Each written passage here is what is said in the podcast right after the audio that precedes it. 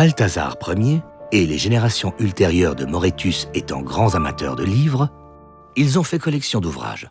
Comment aurait-il pu en être autrement? C'est ainsi qu'est née cette bibliothèque, qui a fait aussi office de chapelle privée à une époque.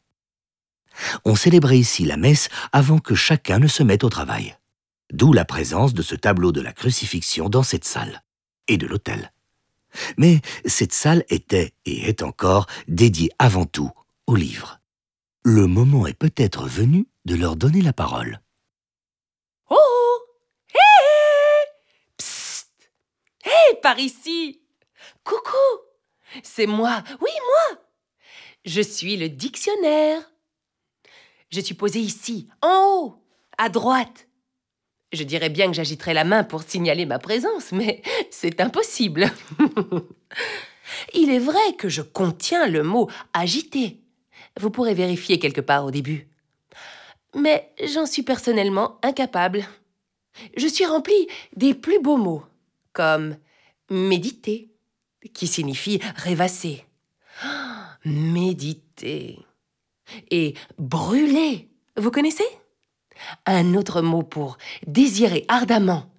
Je brûle de vous rencontrer. N'est-ce pas merveilleux Et obstiné, contrariant. Un peu comme ce roman là-bas. Encore en train de cancaner, comme d'habitude? Pas du tout. Si, si. Des ragots à tous les coups. Oh, je ne faisais que plaisanter. À propos de la littérature contrariante, je suis un livre qui rame à contre-courant. Je l'admets bien volontiers. Mais moi, madame, au moins je suis de la littérature. Nom de Dieu Mais c'est une honte On m'appelle? Oh non. Bien joué. Tu as réveillé la Bible. Alléluia. Pas du tout, ma chère Bible. Je parlais à cet Olibrius là-bas. Merci du compliment. C'est très bien de s'aimer les uns les autres. On n'a pas trop à se plaindre finalement. Ce qui me contrarie par contre, c'est cette odeur.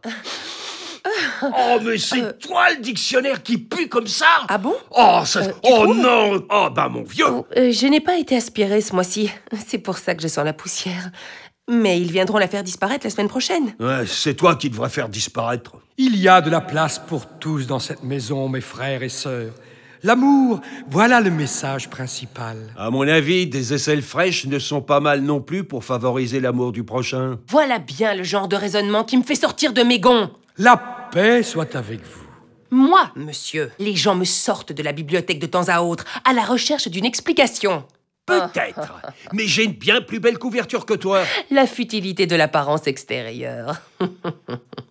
C'est le contenu qui compte. Je ne peux que confirmer tes dires.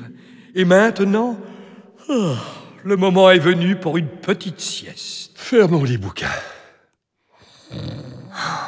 Pourquoi a-t-il fallu attendre le XXe siècle pour l'invention de la déchiqueteuse? Je t'ai entendu Désolée.